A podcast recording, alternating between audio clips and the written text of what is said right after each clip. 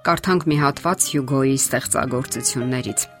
Նա մտածում էր ամենագո Աստծո մեծության մասին, գալիք հավիտենության հրաշալի խորհրդի ու գաղտնիքի, տիեզերական անչափելի անսահման բազմազանության մասին իր ողջ խորությամբ։ Նա չէր փորձում անցալել անընկալելին, նա ըմբոշխնում էր այն։ Նա չէր ուսումնասիրում Աստծուն, նա ապշահար հիացմունք էր ապրում։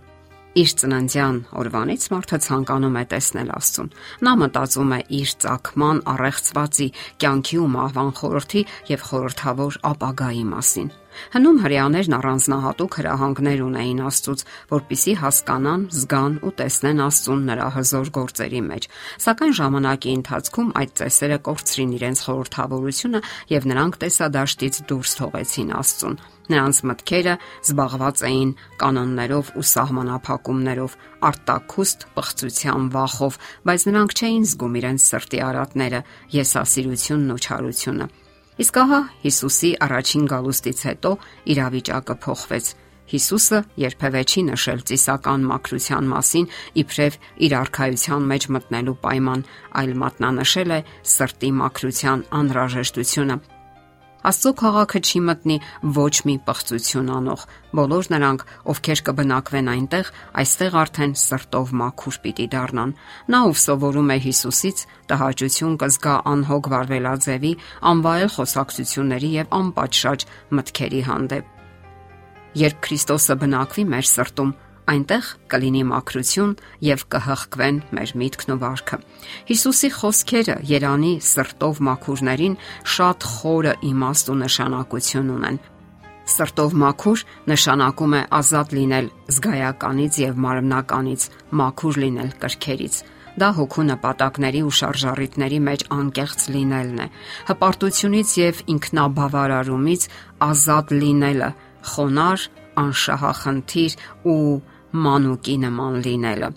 Տեսնել Աստծուն նշանակում է մեր կյանքում ընդունել անznազող սիրո այն սկզբունքը, որը Աստծո էության սկզբունքն է, եւ առանց որի մենք չենք կարող ճանաչել Աստծուն։ Սատանայի կողմից խապված մարդը նայում է Աստծուն ինչպես բռնակալի, անգութ էակի։ Երբ Քրիստոսը կգա իր փառքով, ամբարիշտները չեն կարողանա նրան նայել։ Նրա ներկայության լույսը, որը կյանք է իրեն սիրողների համար, մահ է անհավատների համար։ Նրա գալստյան սпасումը նրանց համար, այսինքն անհավատների, դատաստանի ահավոր սпасում է եւ կրակի զայրույթ, որ լափելու է հակառակողներին։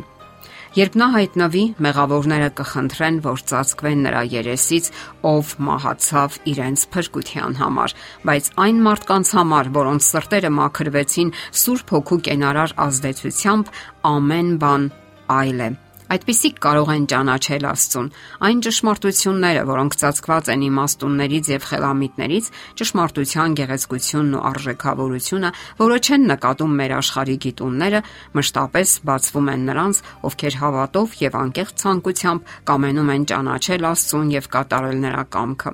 Աստվածային բնությանը մասնակից դառնալով է, որ նկատում ենք ճշմարտությունը։ Նրանք, ովքեր գիտակցում են, որ Աստծուց են ստացել իրենց կյանքը եւ ովքեր սրտով մաքուր են, ապրում են Աստծո տեսանելի ներկայության մեջ։ Նրանք ապագայում նույնպես կտեսնեն Աստծուն երես առ երես եւ կապրեն հավերժական կյանքով, ինչպես Ադամը, երբ Եդեմի պարտեզում քայլում էր եւ զրուցում Աստծո հետ որովհետև հիմա հայելու մեջ օրինակով ենք տեսնում, բայց այն ժամանակ դեմ առ դեմ գրում է Պողոս Արաքյալը։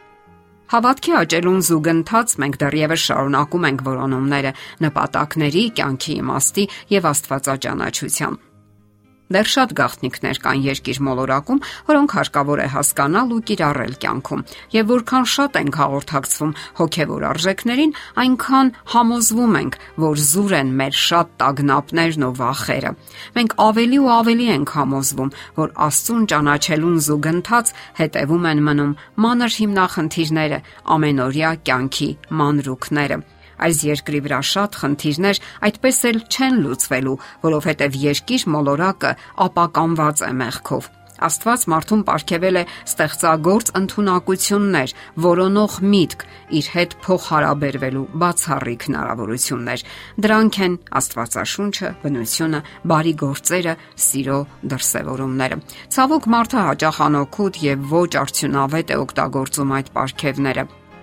անկասկած է, որ հնարավոր է տեսնել Աստծուն իր իսկ գործերում Նա բացահայտում է իրեն նաև ամենաբազմազան հրաշքների միջոցով, աստխային երկնքի ներդաշնակության, տիեզերական հսկայական տարածությունների եւ տիեզերքի կարգավորվածության միջոցով։ Այդ բոլորի մեջ դրսևորվում է նրա անսահման սերը, անկեղծ շահագրգռվածությունը մարդկության, նրա ներկայի ու ապագայի հանդեպ։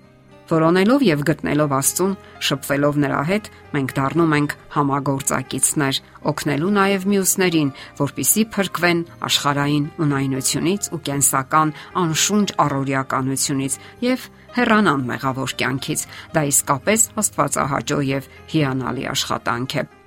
որոնենք Աստծուն իր բոլոր գործերի մեջ։ Նա խոսում է մեզ հետ մեր կյանքի բոլոր օրերում, փրկություն է առաջարկում եւ օգնում ձեռք բերել այն։ Նա արել է ամենակարևորը, զոհաբերել է իր կյանքը եւ մեզանից պահանջվում է միայն ընդունել այդ անհատույց ապարքևը։ Աստվածաշնչում կարդում ենք. Աստված այնպես սիրեց աշխարը, որ իր միածին որդուն տվեց, որpիսի ով նրան հավատա, չկորչի, այլ հավիտենական կյանք ունենա։ Կընթունեք այդ զոհաբերությունը,